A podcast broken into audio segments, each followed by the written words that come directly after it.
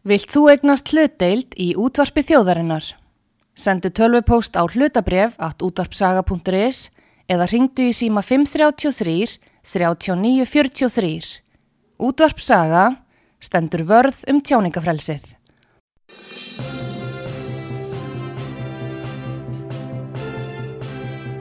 Þú ert að hlusta á frettir virkunar á útvarpi sögu.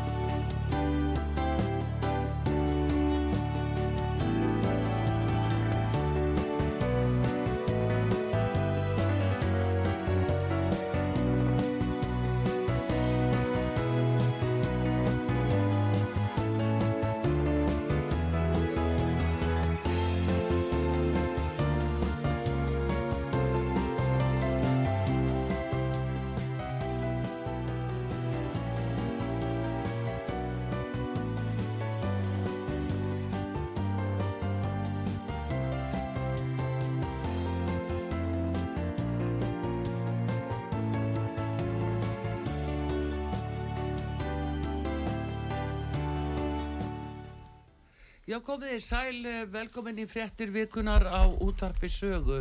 Artrúðu Kallstóttir heilsar ykkur og með mér í dag Pétur Gullaugsson og Valgerður Snæland Jónsdóttir.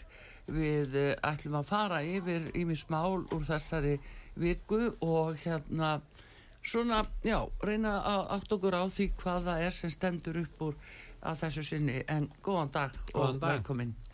Eh, hvað segið þið? Hvað stendur upp úr? Við eh, ræðum nú hér ímis málu auðvitað, það fer ekki á milli mála, það er kvalviði máli, það er eh, tjaldbúðunar við Altingishúsið, það var að ganga dómur í Noregi yfir eh, móður sem að, að var sögð hafa rænt eh, börnunum sínum og það eru auðvitað skólamálin og písakönnuninn og valgerðurinn og aldeilis sérfróð á því sviði.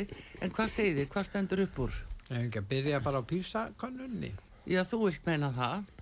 Uh, við höfum verið hér á útvarpisögu og valgerður verið með eh, frábæran þátt uh, mentaspjallið og hefur verið að ræða við ímsa sérfræðing á þessu sviði. Hún er það nú reynda sjálf í sambandi við kjenslu og, og annars líkt fyrir verandi skólastjóri. En við hérna uh, það eru nýjar fréttir uh, svona í kringum þetta valgerður að þeir eru verið að skoða núna þessa písaniðustu nú er háskólinn að fara á staða að sem betur fer og, og til Hamingju Háskóli Íslands að uh, gera það sem við erum að gera Já, í rauninni finnst alveg frábært. Já, Næstu vikurnar bara Já. verður fjallað um ólíkar, ólíka þætti í Mm. niðurstöðum PISA. Það verður mjög spennandi að fylgjast með því. Það verður mjög, mjög margir sérfræðingar sem koma á það að. Já, En mér finnst ég bara núna síðustu dagun alltaf verða minni og minni og minni sérfræðingur í þessu vegna þess að síðustu fréttinnar sem komu af PISA frá forstumanni voru semst að PISA sko við höfum verið að deila um hvort að PISA niðurstöðnar er að koma til skólan eða ekki. Og það hefur komið fram að á Norðurlöndunum eru skólanir að fá niðurstöðnar til sín en ekki hér. Og ég held að mjög margir hafi staðið í þeirri trú að þessi, þessi písakönnun ætti að segja eitthvað um börnin og eitthvað um skólana því þannig við, hefur þetta verið kynnt fram að því sem að var kynnt í síðustu viku að þá er allt í einu farið að tala um nei písaprófið er, er próf sem er að lýsa kerfinu.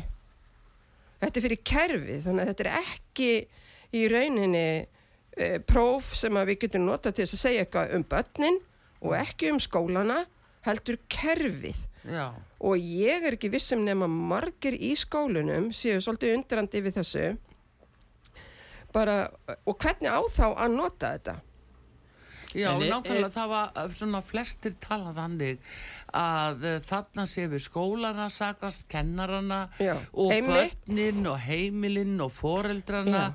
það er svona búið að beina aðtiklina þeim að, en, enginn af þeim sé að standa sér nógu vel. Einmitt, en svo akkurat. er þetta bara kerfi sjálft sem er ekkit annað en stjórnmálamenn sem stjórna skólamálum og mér ást mjög aðtiklisvert það sem kom fram hjá meivandi hérna í síðasta vittilstætt í mentaspjallin okkar síðast að hann var að segja sem sagt að tvö börn í sama bekk í sömu stofu þau eru ekki að glíma við sömu verkefni því að hérna, verkefnin í PISA virðast vera semst úrtaksverkefni þannig að í, hérna, stórum hópi barna sem sitja saman í sömu stofu þá er það þannig að börnin eru ekkert að vinna sömu eða samskonar verkefni.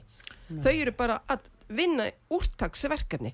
En er ekki fyrsta spurningin, Já. er mælingin góð, Já, er hún rétt og er hún áræðanleg? Jón Sumir Pétur. segja já, að þetta sé mjög góð mæling, Já, einmitt. sumir gera lítið úr mælingunni Já, og það hefur heyrst og þetta er náttúrulega grundvallar atrið. akkurat.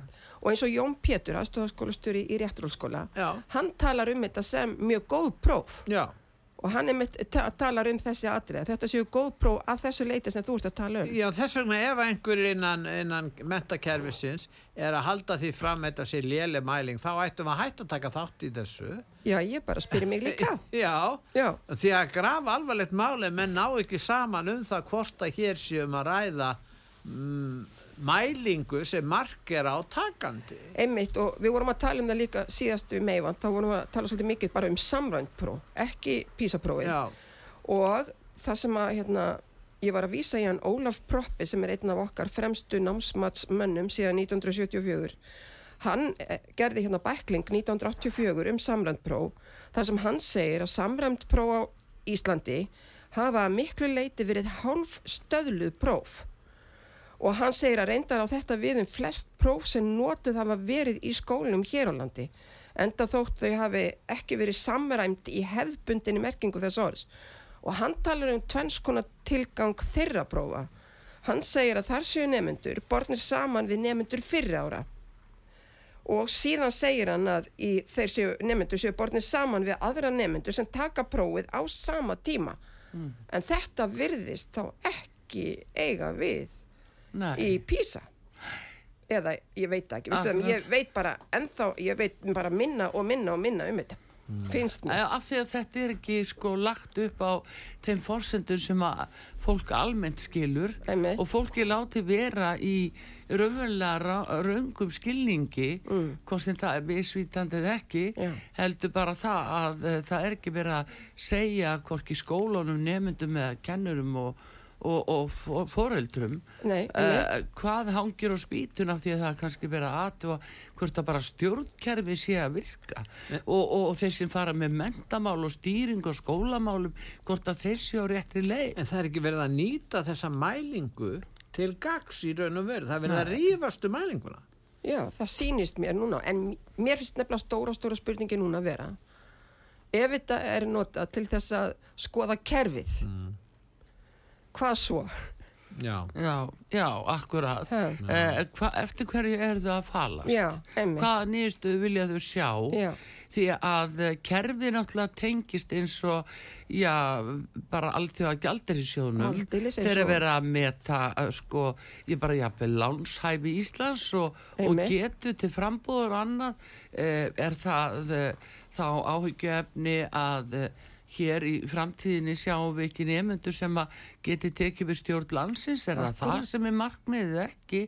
Eða þau eru öfugt? Hvernig ætlaðu Já, að Íslands er bregðast við? að ríki í mentamálum og skóla. Já, og það þýðir að þeirra framlýðast undir og spurningum uh, sko nefnendur sem komast í gegnum náma aðra stígi að þá eru þeir nú væntalega þeir sem eru að taka við stjórnu allra mála hér ef þeir eru illa hæfir til þess uh, þá náttúrulega færist við nær því að teljast þróunaríki og uh, eins Það er og- oft eh, stór hópur sem kemur fyrirgefðu. út úr þessu mæli. Já, Það og það, það, það, er alltaf stórur hópar sem gengur ágætla hjá og væntanlega Já, taka a- þeir það algjörlega. En, en sko, ég er bara að segja hvernig stjórnvöld eru þá sem er ekkit annað en kerfið, Mm. hvernig þau eru að sjá þetta í tengslu við svo við alþjóða gjaldirisjóðin sem er út um allan heim. Mm. og þeir hafa, við höfum fengið þróunu aðstofi Íslendinga, við skulum gera okkur grein fyrir því að við höfum nú bara ekki alltaf verið jafnvel sett og við höfum verið hinn síðustu já, áratugina. Og uh, það þýðir að við færust því að fara á byrjunarreit aftur sem margir óttast að það sem er að færa okkur sko 70 ára aftur í tíman með ýmsum aðgerðum og sérstaklega sem tengist svona samgöngum og, og, og öðru slíku. Nú, Það- þú myndist á ekki alþjóða gjaldir í sjóðin Já. eru þeir að fylgjast með því hvort ráð þeir að fara lögum á Íslandi Já, það er, já, heyrðu, það er ágætt, það er kannski Ha, næsta mál á dagskrá. Jú, það er kannski næsta mál á dagskrá að uh, það, það var... er atriði ef það fara að lána Íslandi og fylgjast með því sem er að gerast þá hljóta þeir að reyna að fylgjast með því hvort að íslenski ráð þeir að fara lögum Jú, þeir náttúrulega skoða það hvort að ráðferða séu spiltir og siðlausir og, og þess vegna er það nú þannig að þegar þeir koma til uh, ríkja sem að lendi í vandræðum eins og þeir komu hinga í oktober 2008 eftir bankarunni Já. þá var fyrsta spurningi sem þeir lögðu fyrir hver ræður dómarana í landinu? Þeir vildu skoða dómstólana fyrst því að það sagði þeim að algjörlega á hvað stígi réttarkerfið og hvort við værum réttaríki eins og að við gefum okkur út fyrir að vera til þess að vera sjálfstæð þjóð, ekki satt? Og uh, ef að við erum náttúrulega með kannski einn og sama mannin sem að, að uh, ræður og skipar flest alla dómara á öllum dómstigum þá get ég rétt sagt ykkur hvert er réttaröryggi fólks. Á hvaða stíði við erum. Þannig að ég, ég drek það ekki efa að þeir fylgjast með ymmit, já bæði síðleysi spillingatilneyingum og, og lögleysum ráþera því það fellur undir þetta sama sama líka. Allt er rýrir þetta getu okkar til þess að staðið, geta staðið undir því að vera réttaríki og þar alveg höfum við þess að þrýgreiningu ríkisvalds. Uh, það er ju alþingi á að starfa sjálfstæð það er framkvæmdavaldið þar sem að með þess að ráþeratni stýra í framkvæmdavaldinu það tengist það, þetta á að vera aðgreint. Og síðan er það dómstólunni sem er algjörlega að vera óháðir. Og, og hérna við erum líka að sjá það að sérstaklega núna í setni tíð að ráþerar er að kalla eftir áliti frá starfandi dómurum samt á dómskerfi að starfa algjörlega óháð. Og við erum að sjá, jú, jú, ráð þeirra segja þetta af því að það var eitthvað dómari sem jafnvel setna meira áttur að dæma eftir sömu lögum. Hann er að gefa álitið og fær uh, háar fjárhæði fyrir. Og þetta er líka uh, svona það sem að bæði við sem uh, Íslendinga tökum eftir í okkar, rík, okkar landi og öruglega alþjóðarsamfélag og þeir sem að hafa svona þetta eftirlit eða miskosti aðstóða hlutverk að fylgjast með Við, kannski veltum því fyrir okkur uh, hvað hefði gerst á Norðurlöndum og hvað gerist á Norðurlöndum þegar að ráþurar uh, brjóta lög. Nú vitum við vel að matvæla ráþurann bröð lög, það er engin vafi á því, það er ekkert álita mál, það, er Nei, ekki, nei. það snýst ekkert um það því að hún sjálf viðurkennir að hafa broti lög. Það er engin sem heldur öðru fram. Og hvað hefði gerst á Norðurlöndunum ef að ráþara hefði broti lög með þessum hætti? Hefði hann fengið að sitja áfram? Hvað haldið þið? Ég hef lítið vita á þessu. Já, ég lögfræðingarnir. nú að segja það að uh, svona mín kynni að því ég bjó nú og það bjóst Noregi, já. já, og hef fylgist uh, mikið með uh, skandinaviskum fréttum Já. og ég verð að segja það að mér finnst ráþeirarnir bara fjúka fyrir minnstu sakir. Já. og ég hef nú sagt frá því áður og ég veit um eitt sem að, að lofaði því fyrir kostningar að ef hann er því ráþeira, samgangur ráþeira þá ætlaði hann að sjá til þess að ákveðin brú er því byggð eða reist á að ákveðinu hluta á, á Norðvesturlandi. Svo var þann ráþeira og uh, hann náði ekki innan réttra tímamarka. Hann fór strax í það að byggja brúna en hann náði ekki e, alveg á þeim tímamörku sem hann hafi sagt hann var látið segja sér út af því Það var eitt ráð þeirri í Svíþjóð, hún kefti barnamat með korti frá ríkinu. Já, og Toblerone. Móna sjálfin. Jú. Sko, þó að ég Þetta var segi, Móna sjálfin. þó að ég segi, Pétur, sko, ég hafi lítið vita á þessu, þá hef ég alveg skoðun á þessu. Já. en ég, hérna, þið eru sérfrængandi. Jú, ég, nei, Nei, ég er bara að tala, við erum Já, að tala um mælingar, písamælingar. Er tekið mark á því. Einmitt, Og hvaða afstöðu taka aðri til þess? Ef að ráðherra brýtur lög, hvað gerum Já, við? Þurfum að rífast? Þeir sem standa með ráðherranum, Já. þeir halda einhverju fram og svo fram. Ég meina, þetta er öðru vísi kannski, kann ég segja, stjórnmálamenning hér hjá okkur heldur en til dæmis á Norðurlandum. Allt, allt, allt, allt önnur. Við sjáum bara núna líka í Noregi að þar hafa þeir nú aldrei spyrða að fjúka ráþurarnir og fyrir það eitt að vera að kaupa hlutabref í, í eh, hérna vopnaframlöslu vesmiðu mm. núna eftir að stríði byrjaði í Úkrænu Já. að þá hérna vildir auka stuðningu í Úkrænu svo uppgötast það núna og hefur verið uppgötast á síðustu mánuðum að þeir sem að grættu mest á því að veita stuðningin voru, ef þeir voru ekki ráþerar sjálfur og höfðu með máli að gera þá voru það makar Já, þeirra. þeir voru- og þannig er staðan í dag. Já. svo leist að þetta er þetta er auðvitað bara uh, alveg krónist uh, hvað þetta gengur og svo er verið að tala mikið um eins og peningaþvætti. Það þurfa að herða lögja uh, í öllum löndum út af peningaþvætti og grunum það. Það er ekki hjá söðsvörtum almenning. Það er hjá þessu fólki. Þeim sem eru nógu hátt settir hafa fara með völd og renni gegn allskins fjármunir í gegnum hendundur á þeim engin veit hvað er að fá í styrki og stuðning og gafir og annað og þetta er fólkið sem þarf að fylgjast með en ég veit ekkert hversu vel er fylgst með því hér á Íslandi. Segiði mér, ég vann hjá Helga Jónasinni, fræðslustjóra, Já, í, hérna, í 15 ár. Hann var fræ, fræðslustjóra kerfið, Já. var hluti af skólakerfinu hérna í 20 ár, frá eiginlega 1974 til 1994-56. já, Ég minnist þess að Helgi, hann var alltaf að tala um að það vantaði eitt level eða eitt stig í stjórnkerfi hérna. Og þá var hann að vísa oft til Noregs eða einhver, á Norðurlandana. Og hérna, mér finnst þetta svo umhugsunavert í öllu þessu, þessum vanda okkar hérna. já, Fræðslu skristofarnar heyrðu beint undir ráðunitið. Þannig að hérna, en voru staðsettar úti í fræðslu umdæmánum átta já. Þekkið þetta eitthvað Eh, hvað vantar okkur hérna honum fannst sem sagt alltaf vanta ákveði stjórnsýslustig inn hérna til þess að, væ, að þetta virkaði Já, það fyrir náttúrulega eftir í hversu mikið og, og vandað eh, er lagt til í þetta. Var þetta áður en að stjórnsýslulegin voru saman? já, Hvað? þetta er áður, áður en að þau eru sett En síðan höfum við náttúrulega samtitt þessi stjórnsýslög.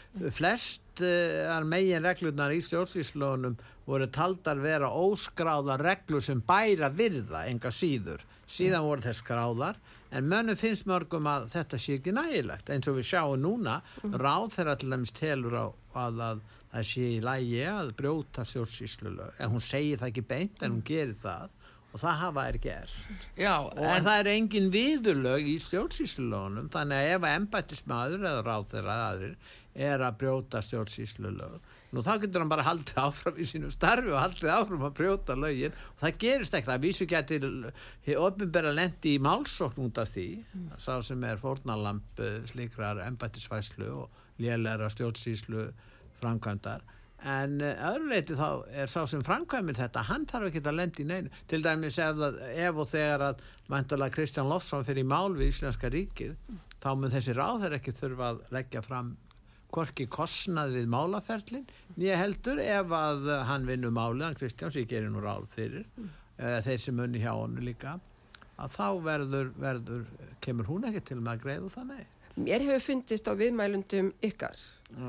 að þeir hafi verið svolítið undrandi á þessu með stjórnsýslulegin að það væru engin viðurlöður Já, finnst ykkur það ekki? Jáfnvel Jú. fólk sem þekkir vel til jáfnvel alþingismenn og svo framins já, einmitt. það hefur komið þeim á óvart Það er nefnilega mjög aðtilsvært vegna það hittist nú þannig á að stjórnsýslulögin eru akkurat 30 ára gömul núna Já.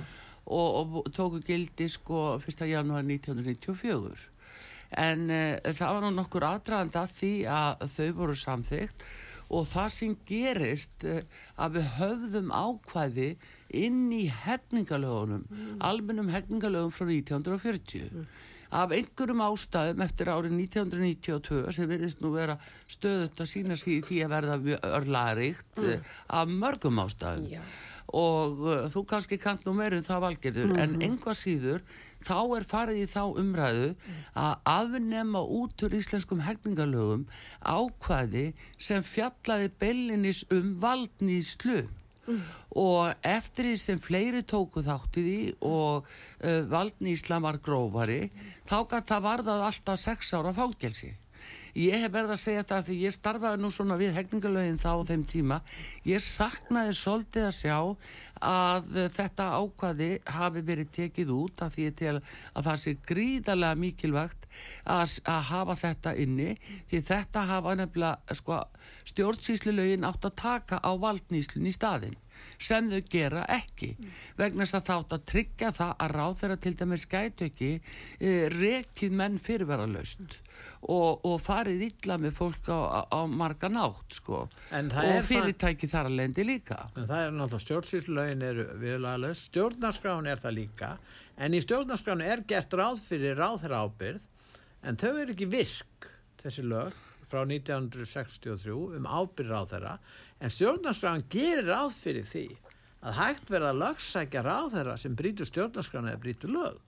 Og það er gert ráð fyrir því að hann gerir það af ásetning eða hiluleysi. Þannig að, að, að þegar að stjórnmálastjættin á Íslandi er eh, já, ætlar að bara sniðganga algjörlega þessi lög um ráðherra ábyrð og, og þar sem reikin eru mál fyrir landsdómi, það er svona sérstaklega til þess og, og flest öll lög, til þess að Danir eru með svona lögjöf, bandaríkjamenn eru með svona að kalla impeachment.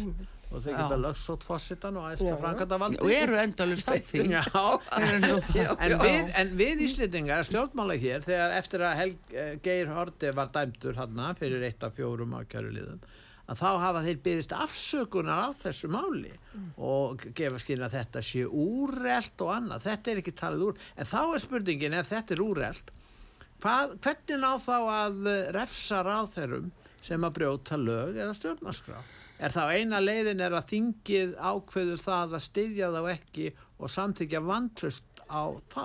Er, Já, jú, þetta er náttúrulega sko, jafnvel bara snýst ekki með, þetta er bara í mínum huga snýst þetta ekki endilega um refsingu, heldur það er hættan af því að hafa slíkt fólk í embætti til að fordamiði gefið því að hvað gera þau áfram já, næst? en hvað ætlar að gera hvernig er ætlar að fara Já, að því að, að draga þeir verða til bara að víkja.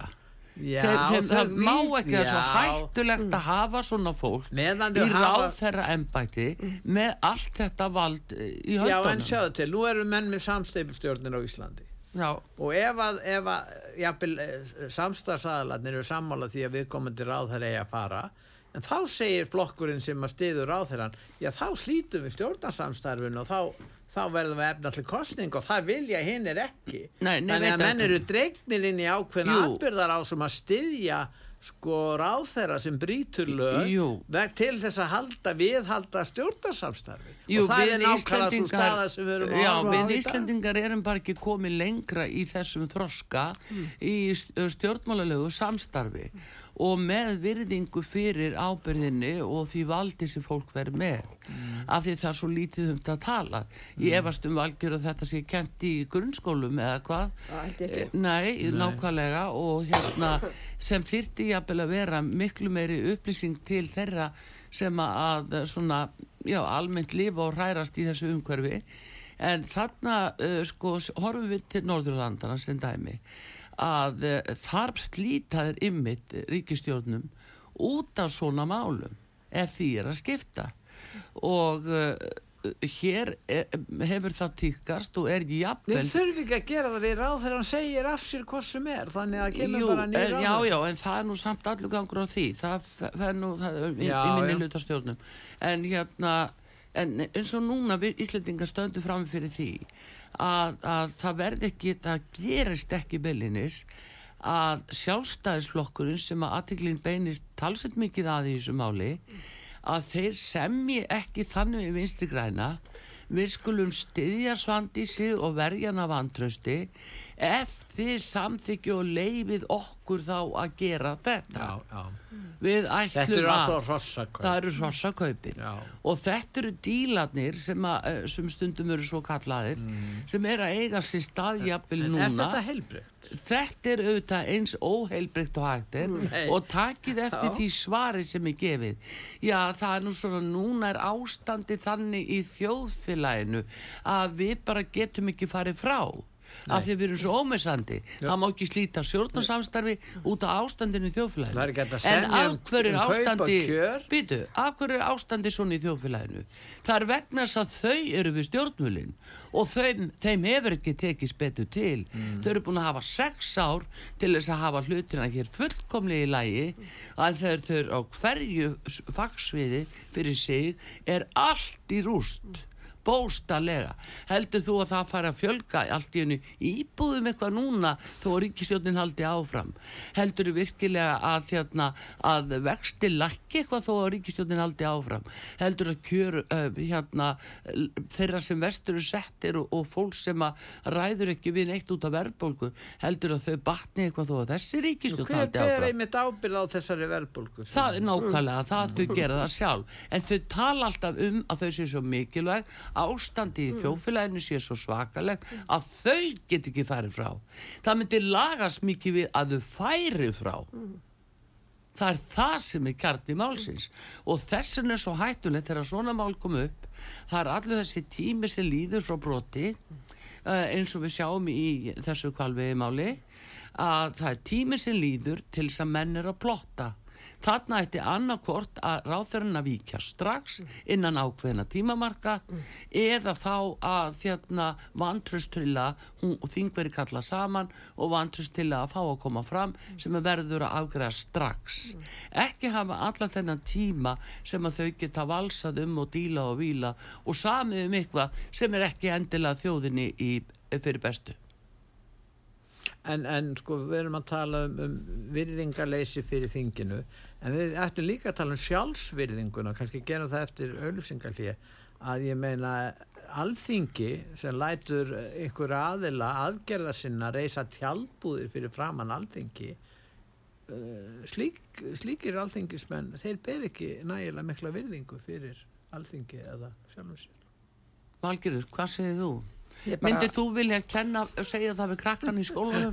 Jæja krakkan minn, nú tjaldi þið bara austuvelli Ef við fáið ekki að vera heim og eru reyð við foreldrana þá getið þið bara að fara með tjaldið og tjalda á austuvelli mér bara verður hugsað til Íslendingana, heimilislausu Íslendingana, hafa þeir aðgang að þessum tjaldbúðum? Nei, Ha? það Nei. fengju ekki að reysa Það er spurning, fá þau að gera það? Þeir voru reknir úr lögadalum Já, þau voru reknir úr og lögum. var, er, þó, er þó og tjaldstæði í borguð Laugardal? þó Já, hvað bara 40.000 á slatta mánu fyrir í leigu bara. Já, já. Já, og voru ekki bara í tjöldum, Nei. Nei. voru líka hjólísum og Já. eitthvað. Þetta er náttúrulega ekki hægt. En hvert eru við að stefna? Erum við að, að opna svona opbósla á það að, eh, að hérna að eðilegja þjóðkirkjuna og hleypa en, inn en, eh, ef að þingið öðrum uh, öðrum bara annari skipun á málum í trúabröðum En Ar Artrúður, ef Mm. að þingmenn og alþingi ber ekki meiri, þeir ber ekki meiri virðingu Mm. fyrir þinginu en að leifa tjaldbúðum að rýsa þarna með aðgerða sinnum þá er hætt á því að aðri sjá ekki ástæði til að bera virðingu fyrir þinginu. Hér áður fyrir, ég man eftir, ég er það gamall að menn báru mikla virðingu fyrir alþingi og alþingismanni. já, ég er að veltaði líka fyrir mér og meðan að við erum að, hérna, að með aðtiklina á þessu, mm, okkur ofbýður algjörlega, mm, hvað eru þau að gera? akkurat hvað sagt, eru þau að gera? Hvað eru þau að gera meðan að við erum að aðtiklina þessu? Já, þetta er góð spurning af þér valgerður Mm. vegna þess að ég tek eftir því núna það er mjög skrítið að sá ágæti maður Guðlu Þór Þóðarsson hann er forsætisáþra landsins núna í fjárveru hverra? Jú, í fjárveru forsætisáþra sem er sögð verið fríi. Og ellendis Heyrðu, síðan eru staðgenglar hennar samkvæmt samkomulagi frá 2017 það er Bjarni Bendisson, það er Sigurður Ingi og það er Svandi Svavastóttir en hvað? Ekki þeirra er heldur í landinu fjóri ráð þeirra eru ellendis og hvað eru þau að gera? einmitt það er stóra spurningi já, Já, meðan við erum að vera að horfa á austurvöld. á meðan við erum að Já, horfa já. einmitt. það finnst mér Já. að skoða Já, Hmm. og æsingurinn þarna yfir þessum tjöldum og heimtufrekjan og skrilsátturinn er náttúrulega alveg þvílíkur. Og bara því við vorum að tala um Noreg þá getur sagt er nú bara síðast í gær og norska þingi þeir eru alveg búin að taka fyrir þetta get ekki gestur saman uh, stórþingið uh, við uh, stúrgatan. Þannig að þetta er sko þetta er náttúrulega bara eitthvað sem að, að á ekki geta gerst. Uh, þetta að reynda á þetta um daginn fyrir framann stórþingi í Nóri og það voru bara Já. lauruglan kom bara og reynsaði allt í burtu. Auðvitað. Og meðan að við hér Íslendingar Já. við séum bara nei þetta er sko nei þau eru bara reyna að standa á rétti síðum, sínum. Og mér sé að fórsættis á þeirra uh, bauðin í ráð þeirra bústanum uh, sko fórsvarsmanni óspekt hana. Já, og, og hérna þá var hann bara búinn í kaffi í ráð, ráð, ráðþennabústæðin ég meina sjáuð einhvern Íslending sem er að reyna að að bera sér björg í bú eða reyna að standa á rétti sínum að hann er í bóðin sérstaklega í ráðþennabústæðin ég meina hvers konar vitleisa er í gangi hérna? Það hljóta allir að sjá sem sjá vilja að þannig er komin stjórn í landinu það er verið að stjórna landinu algjörlega til þess að umturnist allt hérna. Já, já, það er bara verið að umturna öllu. Það er bara Það er bara þannig. já, við höfum auðvitað ekkert að sætt okkur við það að þarna á alþingisreitnum sé verið að tjálta alveg sama hver og alveg sama út af hvaða málstað. En uh, þarna uh, háttan og máli þannig til að það er Reykjavíkuborg sem er með uh, og á Östuvöll og þetta er eitthvað leifi frá borginu og enginn kannast við að hafa veitt leifið einmitt og eitthvað í sambandi við ramagni Já, sem já, svo enginn fekk að og þeir taka bara ramag sko Já. uh, frá næsta frá næsta staur. Engin veit hverju borga eh, svona, þetta er tengt framhjá og uh, uh, einhvern tíman hefði það nú verið kallað lögbrot. Mm. lögreglan í hvergi. Og lögreglan þorir ekki að hrópla við Nei. Hugsið ykkur, er þetta er samkvæmt lögreglu samþægt Reykjavíkur. Algjörlega bannað að tjálta á Östuvelli En er það ekki kent í nýja lögurskólanum og Akureyri að reyfi ekki við útlendingum? Já, það er nú orðið stóra spurningin hvort að það, já, þið með ekki sína ykkur rasisma og ef það er að samaber Samaber maðurinn sem allar sækjum vist í, í, hérna, í lögurskólanum og fara þangað en hann fekk það ekki vegna þess að þegar hann var í skóla sínu tíma þá er því haldið fram að hann hefði sagt eitthvað eða já, tala illu múslima. Já, eða eitthvað sem hann gerði. Og það er aðteglisvert að það er svona stjettir og hópar að tala um orðspór sitt. Það gekk dómur núna þar sem sem betur fer komst dómarinn að því að, að það var óstaðsfestar ásakanir á hendur manni sem var rekinn frá symfóníuljónsveitinni mm, og þá segir bara í dóminu þetta er allt óstaðfest. Já, og svo erum við farin að sjá það að maður eins og sér að Friðrik sem hefur verið látin í 60 ár þetta er algjörlega óstaðfestar ásakanir.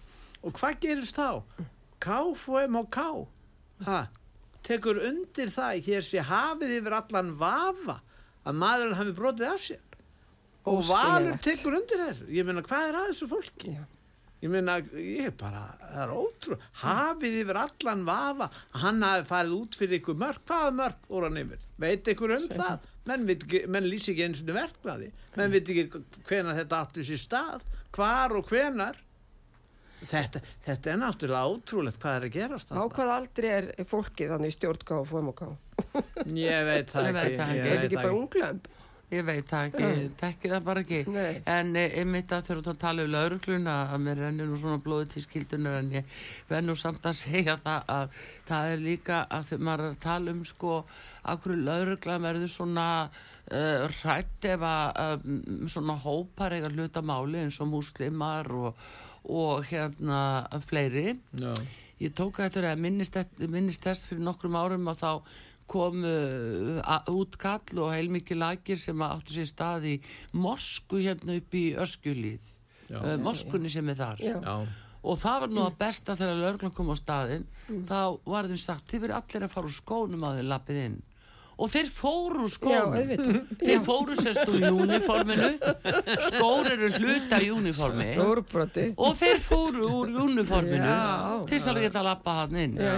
mitt. Já. hefðu þeir farið úr skónum eða þeir hefðu farið inn hjá kristnu fólki inn í, í kirkju Já, nei, Nei. Já, á, á bara Já. það, sem brot hefur átt þeir hefðu ekki farið á uniforminu þar en það var, þeir þorði ekki annað Nei. og þetta er, er bara annarkvöld gilda bara landslög Já. hér við virðum við vissulega trúfrelsi það er trúfrelsi hérna en við, við virðum fyrst og fremst landslög. Mm. þeir sem eru að komingað skulu fara eftir íslenskum lögum. En múslimar er ekki að fá er. eiga hvorki að fá betri eða verri meðferð hjá kerfinu. Nei. Það eiga allir að standa jafnfættis Mm. í lagalegu tilliti alveg Mhm. sama hvaða trú þeir hafa og hvaða þjóðverðin þeir tilheyra.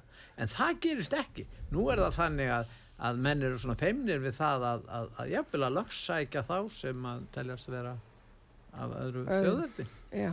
Við Já. tala nú ekki um að þegar þú vorst að minnast á múslima Já. kannski eru menn, kannski eru stjórnlega trættir við þetta fólk, getur það verið Já, þá spyrjum við það er aftur. spurningin, er hvað eru okkar ráðamenn að gera Já, útlöndum? hvað eru þau að gera? Á hvernig fundum eru þeir? Um hvað er að díla og víla? Já. en það þarf nú ekki að vera. En það er allavega komið auðlýsingum hér á útvarpi sögu. Við höldum áfram því að vegna þess að við ætlum að tala núna líka um alla þessar greiningar sem eru í skólum og valgjörðu boltinn hjá þér vegna þess að það er verið að greina og greina uh, börn í grunnskólum og sagt að þessu langa byrjaðir eftir greiningu.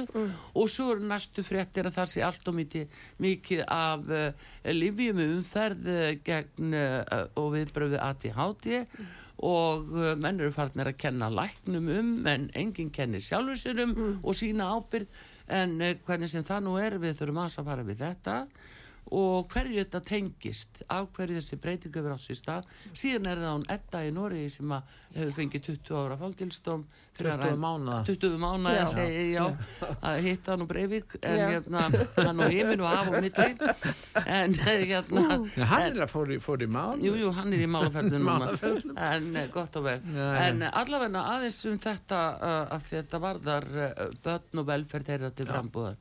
Þeir eru að hlusta út á sögu frétti vikunar Artrúðu Karlsdóttir, Pétur Gullusson og Valgerur Snæland Jónsdóttir og við uh, erum komum aftur.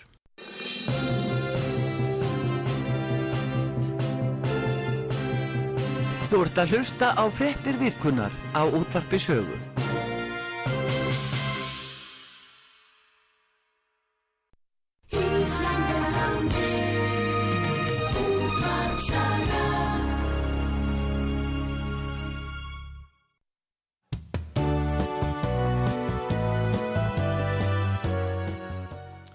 Komið þið sæl aftur fréttir vikunar á útarpi sögu. Artrúð Karlsdóttir, Pétur Gullusson og Valgjöru Snæland Jónsdóttir. Við eh, erum að fara svona yfir ímis mál sem að hafa verið í fréttum í þessari viku og, og reyndar eh, áður. En eh, við ætlum að ræða og mjög að beina aðtiglinni að þér Valgerður af því að þú hefur nú verið oft í þáttum hérna að einmitt að tala um já, svona vandamál inn í grunnskólunum, lesblindu og ymmislegt fleira sem þú einmitt upplýstir, lesblinda er ekki sjúdómur skilur upp og það hefur ábyggilega komið mörgum og óvart því að það er stöðt verið að tala um að það sé svo mikið að börnum Einmitt. Það er- allar þessar byðraðir til þess að komast til sálfræðinga því að það er eitthvað að Einmitt. og uh, það er ekkert eðlilegt að við séum að heyra það í fréttum að það séu dæmi þess að það séu átta af hverjum tíu nefndum sem að þurfa að komast til skólasálfræðins Nei. og svo kemur eitthvað greining það er farið með greininguna síðan til geðlagnis og hvað á geðlagnirinn að gera Það er bara líf. Það er bara lif Þetta er náttúrulega bara uppáskrift og áskrift. Þetta er bara ákveðið ferli sem er já, gert þér áður fyrir. Já. Og fólk er, verður fyrir vombriðum ef það fær ekki líf. já, Og ég hérna, er ekki vissum að fólk gerir sér grein fyrir hvers konar lifið þetta eru. En ég er hérna með, hérna, uh, go, sko, það eru ekki allir, þetta eru geð, uh, geðraskanir sem verið er að, er að greina. já, Og það er hérna, ég er hérna með hérna, flokkun geðraskana, hérna, DSM 4 eða 5 hérna líka. Og ICD 10 og það eru tvö kerfi í gangi, það er bandaríska kerfi og það er Evrópukerfið. Það eru geðlagnir í bandaríkjónum og það eru geðlagnir í Evrópu. Sem að og það má finna geðlakna á báðum stöðum Mm. sem að eru mjög andvíir þessu vinnufyrirkomulagi. Mm og ég er hérna til dæmis með eina bók hérna eftir hérna Peter Breggin sem er mjög þekktur geðlæknir í bandaríkjunum Já. sem er mjög andvígur þessum greiningum og því að gefa til dæmis börnum svona mikið af þessum livjum sem að eru hugsuð fyrir þetta. Breggin, hann er búin að vera geðlæknir síðan 1960, þetta er eina bókunum hans hérna og hann segist aldrei hafa sett einstakling, hvorki batni fullorðin á geðlif við ADHD eða neinu af þessum greiningum. Þannig að hann bara vinnur öðru sig. Ég er líka með fullan kassa heima af námsefni sem er gefið út af stopnun hérna í Fraklandi og það er einmitt geðlæknir sem er látin en hann skildi eftir sig þarna heilt bara svona sender þar sem að hann var alltaf að berjast gegn þessu. Þannig að þarna eru svona einstakir geðlæknar sem að ofbýður alveg þetta kerfi sem er í gangi.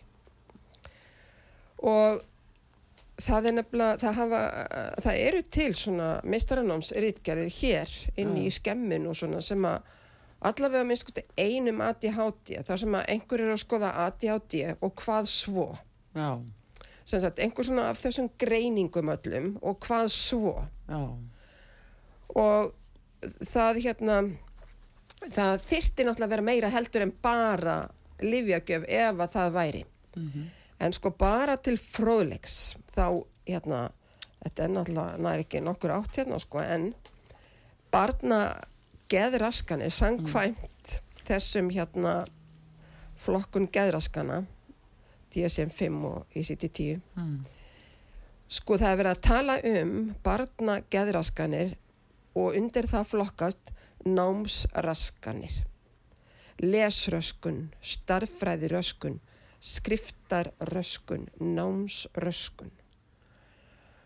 Og hérna svo kemur hérna reyfi samhæfingar raskanir við erum að tala um börn. Og þar kemur þróunar og samhæfingar röskun þetta er eitthvað sem að yðjúþjálfar vinna oft með. Svo koma sko tjáningaraskanir það eru málröskun blandin máls og móttökuröskun hljóðkerfisröskun sem er talin vera undirstað fyrir hérna lesblindu stam og tjáningaröskun. Svo koma aðra rannsak, hérna, raskanir gagtækar þróskaraskanir sem eru einhverfa og rettsröskun sundrúnaröskun í be- bersku aspergarröskun sem er einlega farin út og svo gagtæk þróskaröskun ótilgreind eru síðan koma aðtikli og hegðunaraskanir og þá eru það eftirtakta leysi ofvirkni. Og það eru nokkrar gerðir af þessu. Síðan kemur hegðunaröskun mótþró og þrjóskuröskun hegðunaröskun svo koma matar og ádraskanir og svo koma alls konar kækir Já, en byrju segð mér, eru þetta sjúkdómar? Eru það, nefnina, hvernig á að líta á þetta? það má, kannski ég sé að hérna, það er túrættir hérna inni sko og ég ætla ekki að gera lítið úr því og það eru þarna inn á milli svona ákveðin hérna, ákveðinar raskanir, skilgrendar sem, mér finnst þetta nefnilega ekki falla undir sama hatt Nei. en hérna vinu minn, hann Ron Davis sem hefur skrifað bókina The Gift of Dyslexia, náðar gáman lesblinda Já, Hann segir að við séum að nota um 9-10 hugtök yfir nákvæmlega sama fyrirbærið. já, og hvaða Það kemur fyrir fram- það? Það er það að þeir sem að, hérna, það er hans kenning, Mm. að þeir sem að um, eru greindir með þessar ra, raskanir flestan eins og lesuröskun, ég hef ekki séð það lengi, og starffræðiröskun og allt þetta, að þeir séu bara einstaklingar sem að hugsa meira í myndum og tilfinningum heldur inn í hljóðum. Já, og það, hérna, þetta hefur bara áhrif á það hvernig á að kenna slíkum börnum. Það kom nefnilega fram svo skemmtilega hjá honum hérna, meivant um daginn, hann var Já. að tala um krakkana í sambandi við útreikning á starffræði já, og hann sagði að sumir bara hérna, eru búin að rekna og rekna og rekna og svo stróka þau út hérna allan útreikningin og skilja bara niðurstöðun eftir útrekningin og ég sagði við meivant hérna í Já. beinni útsendingu já þetta eru myndhugsuðinir okkar Já, akkurat. sko þeir bara vinna þetta Já. myndhugsuðir þeir þurfa allt miklu einfaldara Mhm. þeir þurfa, þeim finnst bara útrekningarnir vera kusk bara hérna, þvælast fyrir skilju Já, já. En þetta e, þetta þekkjum við ekki nógu vel sko í íslensku skólastarfi. En það eru samt sko það er, hérna, ég er rosalega ána með það að það komið núna á mentavístasviði sálfræðisviði, það er í raunin undir sálfræðdeildinni nýtt masterspróf í atferðlisgreiningu Mhm. og hérna ég held að þau eru svolítið sammála þarna, þó að hérna skilur að, að, um, þetta séu ekki raskanir, það þurfi bara að taka á sem ákveðnum hætti. Já, þannig að það þurfi ekki endilega, endilega líf. Nei, og það er það. Minnst, Mm. Það skiptist alveg í tvent hérna. Það eru lifanasvegar og svo er, er til bara þó nokkuð mikið af nálgunum, vinnuaðferðum, hugmyndafræði Já, sem byggir bara ekkert á því að gefa. Te, bara skilgrin þetta bara allt, allt öðruvísi, akkurat. Já, já, þannig að, að sko, en við erum búin að koma okkur upp þessu kerfi og þannig erum við komið líka inn á sko livjarisana. Já, Að það eru þeirra hagsmunir að börn byrji að breyðja þetta alveg fram og tilbaka Já. og uh, þannig að hérna um, þetta er svolítið svona spurningum þessa stýringu Já, hver er að hafa þarna áhrif á kerfið já. Að þið vorum að tala um Óttar hefur talað um Já, þetta og hann, og segir það hér í þætti alveg blákalt að sé allt og mikið að þessu í gangi. Já, því að hann tala líka um tilvistakreppu ungmenna. Já, að það sé eh, svona eitt af því sem er að þja, að þjaka þau sko. Og það verður forvitinlegt að fylgjast með Hermundi í vestmenniðum. Hvort að hérna börnin hjá honum eh, hérna, séu bara laus við þessa tilvistarkreppu, skilji. Eða bara það sem að, að það sem að hann er að leggja áherslu á með að kveika neistan og allt það. já, En þegar að börn hafa fengið þessa greiningu Já, um röskun já, og fá lif, já. halda þau áfram að vera á þeim livjum hver, hver lengi? Þegar, er það allt, allt grunnskólaferlið, er það í, í framhaldsskóla eða er bara er það í lífunu? Máli er að hérna, Ég meina með hlutur að spyrja, ef þau eru með þessa greiningu Já. Og það tekst ekki að lækna þetta Nei. heldur að halda þessu niðri einmitt. Málið er að hérna, að hérna er ég með bók, Já. til dæmis, sem heitir hérna ADHD does not exist, sko. Já, og þetta er eftir lækni og hann, hann segir hérna hér bara telur hann upp fimm atrið sem þarf til þess að fullna þessari greiningu og það er spurning í rauninni, það er eins og Davis talar um, hann talar um þetta í rauninni allt sem ákveðna hæfileika þegar að sagt er hérna að eh, hérna, einstaklingurinn hann tekur ekki eftir smáatriðum nei, Það er að segja, hann tekur ekki eftir þeim smáatriðum sem einhver annar vill að hann taki eftir. Mm. En hann er á fullu að taka eftir smáatriðum. mhm, Það væri sko engin FL-turn ef það væri ekki fyrir þessa einstaklinga. já, akkurat, já, já, en, já, en, en, en nú er greiningin liggur hún fyrir, Já. hann fær lifið, barni fær lifið, heldur áfram að fá lifið, er háðlifinu Já. vantarlega Sko- og hvað gerist þá? Já, ég, mér finnst þetta mjög forutnilegt vegna þess að ég þekki mjög mörg bönn, ungmenni, sem að þóla ekki hérna hliðarverkanirnar við þessi lif og vilja helst ekki vera á þessum lifjum. Þannig að það er líka sko inn í, í dæminu, jáfnvel bara ung bönn og ungur maður sem var hjá mér ekki alls fyrir löngu, hann bara reyndi eins og hann gat að fara á bak við mömmu sína og platana þegar að, hérna, hún var að reyna að fá hann til þess að taka sér lif því honum leið alltaf svo illa á hann. já, en hins vegar verður að segjast eins og er að við erum að sjá það akkurat uh, koma aftur og aftur í einhverjum yfirlýsingum og í, fréttatengdu efni og inn á netinu og allavega að uh, þarna standa ymsi fram og, og kenna sko geðlæknum um að þeir séu alltaf alltaf að kenna læknunum um að þeir láti svo mikið af þessu lifjum þeir eh, gera ekki annað en að dæla í börnin eins og sagt er. Þetta er orðalag. Og þá gleymist þýnst mér í þessari umræðu að uh, þeir sem fara til geðlagnis ákveður eiga er von eiga er einmitt ekki von á því að fá ávísun um geðlif Já, Ha, ég menna það er mjög trúlegt. Eh, geðlagnir er auðvitað að ávísa geðlifum fyrst og síðast. já. það er ekki endilega að þeir hafi svo mikið áhuga að skrifa upp á svona mikið en þetta er þeirra sérgrein. Þeir eru kannski ekki að skrifa upp á gíktalif eða hjartalif frekar en að hjartalæknir ekki skrifa upp á geðlif þessu er öllu snúið á haus og menn teknir svona ofinbelega ráðist á þá fyrir það að þeir séu þessir dóblækna sem séu að skrifa endalist upp á. Og menn jafnvel ganga svo langt og segja já eh, þessi hérna eh, einstaklingur tengdur mér einmitt fyrirfósir út af því að nota þessi lif svo fullir fólk alveg út og söður og jafnvel það að, eh, að, hérna, að börnin hafi orðið þessu að bráð og það sé lækninum að kenna. Læknir hefur bara eina skildu, það er að trúa sjúklingi sér til hans leitar. En Arnþrúður, Og- það er í þessu, almenningu myndi segja, varandi þessu umræði hér, Já, þá myndi ég segja, við verðum að treysta sérfræðingum okkar. Mhm. Við verðum að treysta sálfræðingunum sem er að greina þetta, senda þetta til geðlagnis og hann metur það hver, það er þessi skoðun, eins og, eins og kom fram í COVID og við tekjum þessu umræðu, að almenningur hefur þetta tilneyingu til þess að treysta sérfræðingum. Og þegar að mikill meilhluti sérfræðinga aðhyllist ákveðina stefnu eins og sennilega í þessu livjamáli þá er það þannig að þetta hefur svo miklu útbreyðslu. jú, það er rétt þegar við erum með Norðurlanda mitt, mitt í uh, Já. livjagjöf að Já. þessu leiti, kakvart uh, Já. ungmennum, það liggur alveg fyrir. En það sem ég rek augun í þessu af því að Valgir er að tala um písa og byrja á því hérna í þættinum Einmitt. að markmiði væri að skoða kerfið.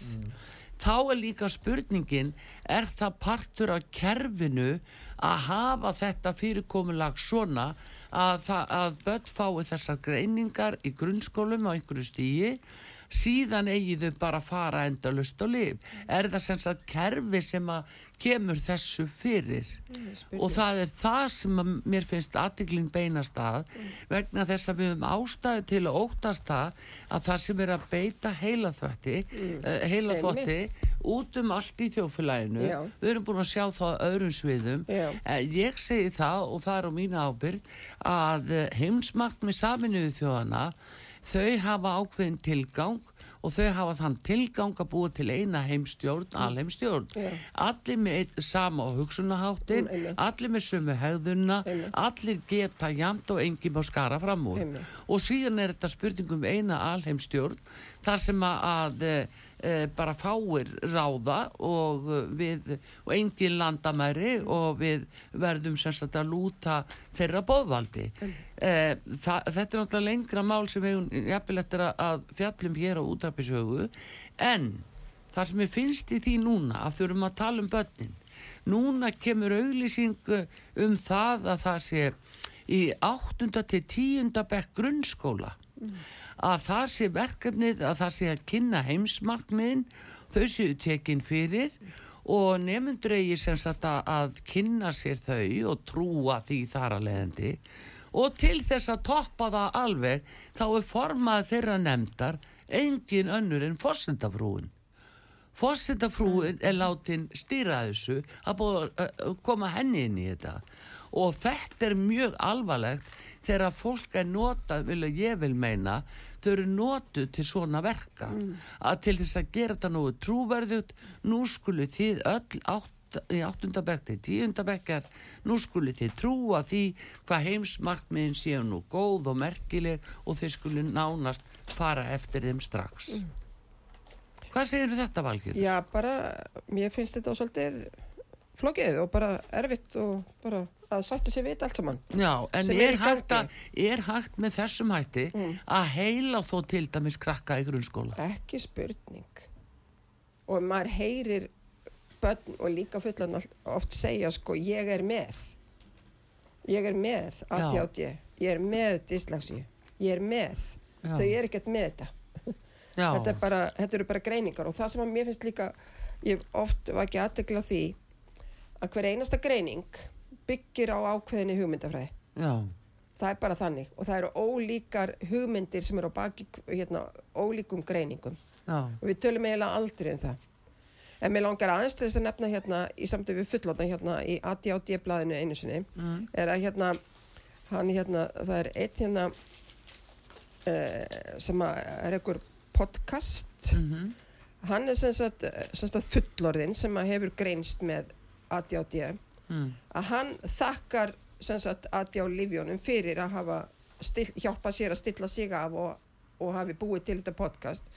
En svo er hérna líka alveg indislega grein eftir listmálaran Mæju sem að nýtir það sem að hún kallar kvatvísi sem að ég kalla skapandi hæfileika í listinni, hún aðlaði sig að þessum hugsunahætti sem að er kallaður ADHD í stað þess að fara á lif þannig að hérna, það er fullt af fólki sem að, sem sagt, er að- að finna sig Já, í- einhvern veginn í þessu og hún gæti sennilega ekki verið svona skapandi nema að því að hugsunastýllin hennar og hugsunarhátturinn hennar er svona myndrætt og flottur. Já, og það er það sem að mér finnst. Þetta eru hérna 2% barnana sem að hérna, sem að mælast svona illa í okkur, þessi afregsbönn okkar við erum að bæla þau öll akkurat. Já. Þannig að þetta er nefnilega spurningin um kerfið þegar upp í staði, Já. hvernig þessu stýrt og stjórnað já, og ákvaða lögð áhersla. já, Það er nefnilega það. Heyrðu, en nú er tím okkar eiginlega búin, eitt mál bara alveg í blálókin. Eh, móðurinn Edda, hún var eh, dæmd í Norri í 20 mánada fangilsi fyrir að eh, hérna ræna eh, þremur sónum sínum. En eh, hvað segir um þetta? Er þetta grimdalegt? ég þekki náttúrulega ekki pass máli, ég bara mér þetta pass, rosalega sorglegt allt saman. Já, Já, er hvernig er hægt að dæma foreldri fyrir sko það er eitt sem að mér finnst við ekki skilja hérna í þessu landi og við höfum, ég hef hvergi hér talað um að því að einu sinni hérna í kringum 2010 þá komu hérna hjón sem að heita John og Julie Gottman.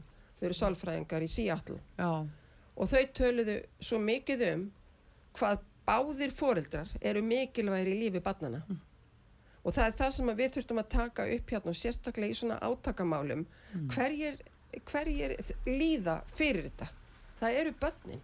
Já, og við þurfum að, að læra það hérna í þessu landi að hérna að, að sem sagt að hérna að tryggja það að börnin hafi aðgang alltaf að báðum fóreldrum alveg sama hvernig þetta er, það þarf bara einhvern veginn að tryggja það.